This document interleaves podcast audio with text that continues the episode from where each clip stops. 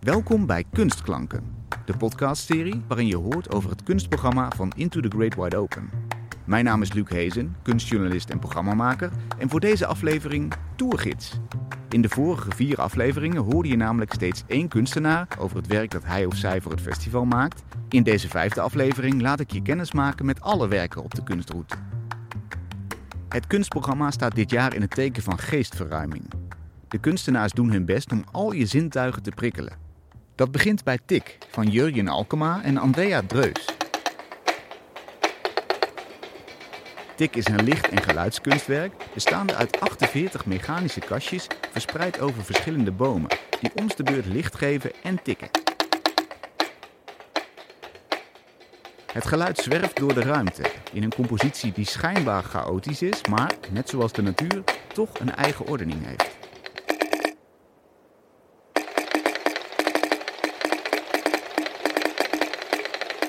Het volgende werk is een hologram van het Congolese kunstcollectief CATPC, het Cercle d'Art de Travailleurs de Plantation Congolaise. Into the Great Wide Open laat dit jaar op drie plekken werk zien van dit collectief, dat samenwerkt met de Nederlandse kunstenaar Renzo Martens. Het is bijzonder dat hun werk hier alvast te zien is, want ze zijn in 2024 de Nederlandse inzending voor de Biennale van Venetië. Zwevend in het bos zie je een projectie van de zogenaamde Ballot-sculptuur. Dit beeld werd gemaakt nadat leden van het Congolese Pende-volk in 1931 in opstand kwamen tegen hun onderdrukkers. Europese bedrijven confiskeerden in het westen van Congo land om er plantages van te maken, met steun van de Belgische overheid, en die bedrijven dwongen Congolezen om voor ze te werken. Toen de vrouw van Pende-chef Matemo werd verkracht door werknemers van een Belgisch bedrijf, laaide het verzet verder op en werd de Belgische koloniale officier Maximilien Ballot vermoord. Na zijn dood maakten de Pendé-bewoners een houten beeld van hem om zijn rondzwervende, mogelijk wraakzuchtige geest in te vangen en als ritueel object in hun strijd tegen de bezetter. Ironisch genoeg is nou juist dat beeld, belangrijk Congolees erfgoed, in het Westen beland, in het Virginia Museum of Fine Arts in Richmond in Amerika. In Museum Tromshuis in de Dorpstraat kun je een documentaire reeks zien van CATPC-leden die proberen het ballotsculptuur in bruikleen te krijgen. Toen dat niet lukte, werd het idee geboren om een NFT te maken van het beeld en die te verkopen. Het is deze NFT die in het bos is geprojecteerd. Iedere keer dat deze digitale afbeelding wordt verkocht, kan het CATPC een hectare terugkopen van de voormalige palmplantage die door Unilever gedurende 100 jaar is uitgeput en die plantage weer in bos veranderen. Zo wordt het maken van kunst over een ongelijke machtsverhouding een middel om die machtsverhouding te veranderen. Een stukje verderop word je begroet door de vriendelijke klanken uit de installatie van de Mexicaanse Vika Pacheco. Zij maakte keramieke blaasinstrumenten, geïnspireerd op eeuwenoude traditionele instrumenten uit Mesoamerika. Ze zijn moeilijk te omschrijven, maar ze hebben qua vorm wel iets weg van gemberwortels, maar dan veel eleganter. Vika heeft ze in touwen gehangen in een draaiende installatie en deels gevuld met water. Door de beweging van de touwen stroomt het water heen en weer en wordt een fluitend geluid gemaakt. Op gezette tijden, te vinden op de website of in het programmaboekje, voeren dansers een performance uit bij haar werk. De fluitende geluiden worden versterkt en vormen een nieuwe compositie waarop de dansers reageren. We lopen verder op de route, steken de verharde weg over en lopen een ander deel van het bos in. We naderen Syntopium, een witte, houten kapel waarin je de geestverruiming volop kan ervaren. Kunstenares Helene Blanke gebruikte voor de achterwand en het bewegende plafond een speciaal soort prismaglas, waardoor het licht op een prachtige manier vervormd en gebroken wordt en je de omgeving ervaart zoals nooit tevoren. Beluister voor meer informatie aflevering 4 van Kunstklanken. Het volgende werk op de route is de dansvideo Nothing But Fingers van Mo Sat uit Myanmar.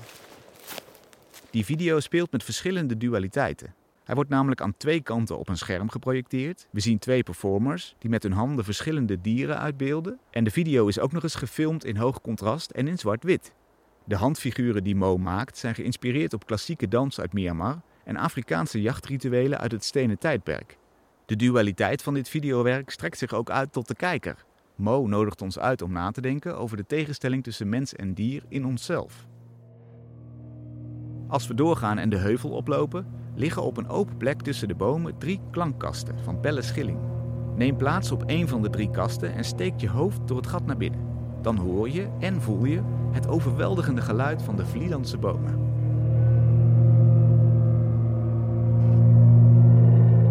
Die zijn namelijk met meterslange pianosnaren verbonden aan de klankkasten en brengen door hun beweging een continu geluid voort. Beluister voor het volledige verhaal van Pelle, Kunstklanken, aflevering 3.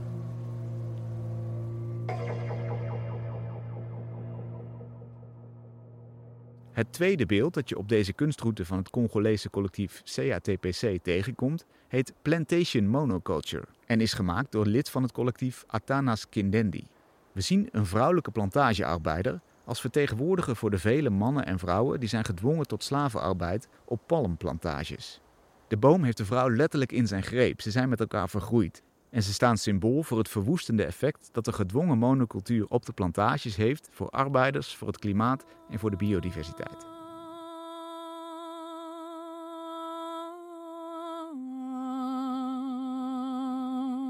Van dit beeld lopen we door naar het videowerk Arroyo van het Mexicaanse kunstduo Amauta Garcia en David Camargo. Ze vertellen ons iets wat de meeste Nederlanders niet weten, namelijk dat er twee dode vulkanen rusten onder het Waddengebied. Tussen Harlingen en Vlieland ligt de Zuidwalvulkaan, vanaf de boot te herkennen door het boorplatform dat er recht boven staat, en de Mulciber, 100 kilometer ten zuidwesten van Terschelling. Amauta en David zingen in hun poëtische videowerk deze twee dode vulkanen toe. Om ze te troosten en te bedanken voor wat ze voor de mens mogelijk hebben gemaakt. Tegelijkertijd verbinden ze onze vulkanen met het landschap van hun thuisland en met de geschiedenis van de moeder van Amauta. Door een gebrek aan goede woningen nam die in haar jeugd deel aan het kraken en bewoonbaar maken van vulkanisch landschap ten zuiden van Mexico-stad.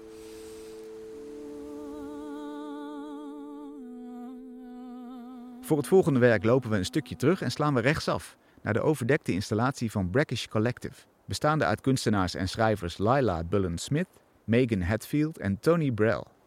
In hun installatie Sipping Dunes proef je wat er groeit in een duinlandschap als dat van Vlieland. De planten die groeien tussen de kust en het bos voeden zich met brak water, deels zout en deels zoet, en dat beïnvloedt hoe ze smaken. Op vijf houten tafels, die bewerkt zijn met een interpretatie van het Vlielandse landschap, presenteren ze tien planten die je kunt proeven en twee plantenmengsels die je op je huid kunt smeren. Een zeer zintuigelijke manier om kennis te maken met het duinlandschap.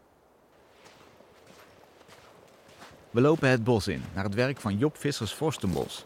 Hij is naar eigen zeggen een schilder die er van alles bij verzint en dat is te zien. In dit geval zijn dat 25 lichtpakken in een dynamische formatie in de bomen gehangen. Elke lichtpak bevat beschilderde platen plexiglas, die er door het verglijdende licht dat erachter zit steeds anders uitzien. Beluister voor het volledige verhaal in Jobs eigen woorden aflevering 1 van Kunstklanken.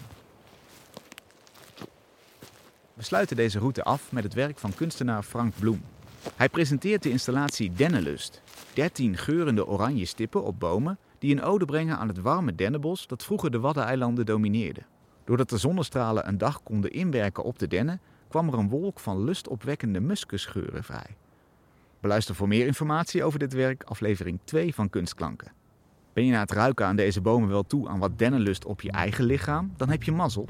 Frank heeft de geuren namelijk ook gebundeld tot een parfum dat in beperkte oplagen te koop is in de winkel op het sportveld. Tot zover deze eerste reeks van de podcast Kunstklanken. Geniet van de kunst en van de rest van het festival.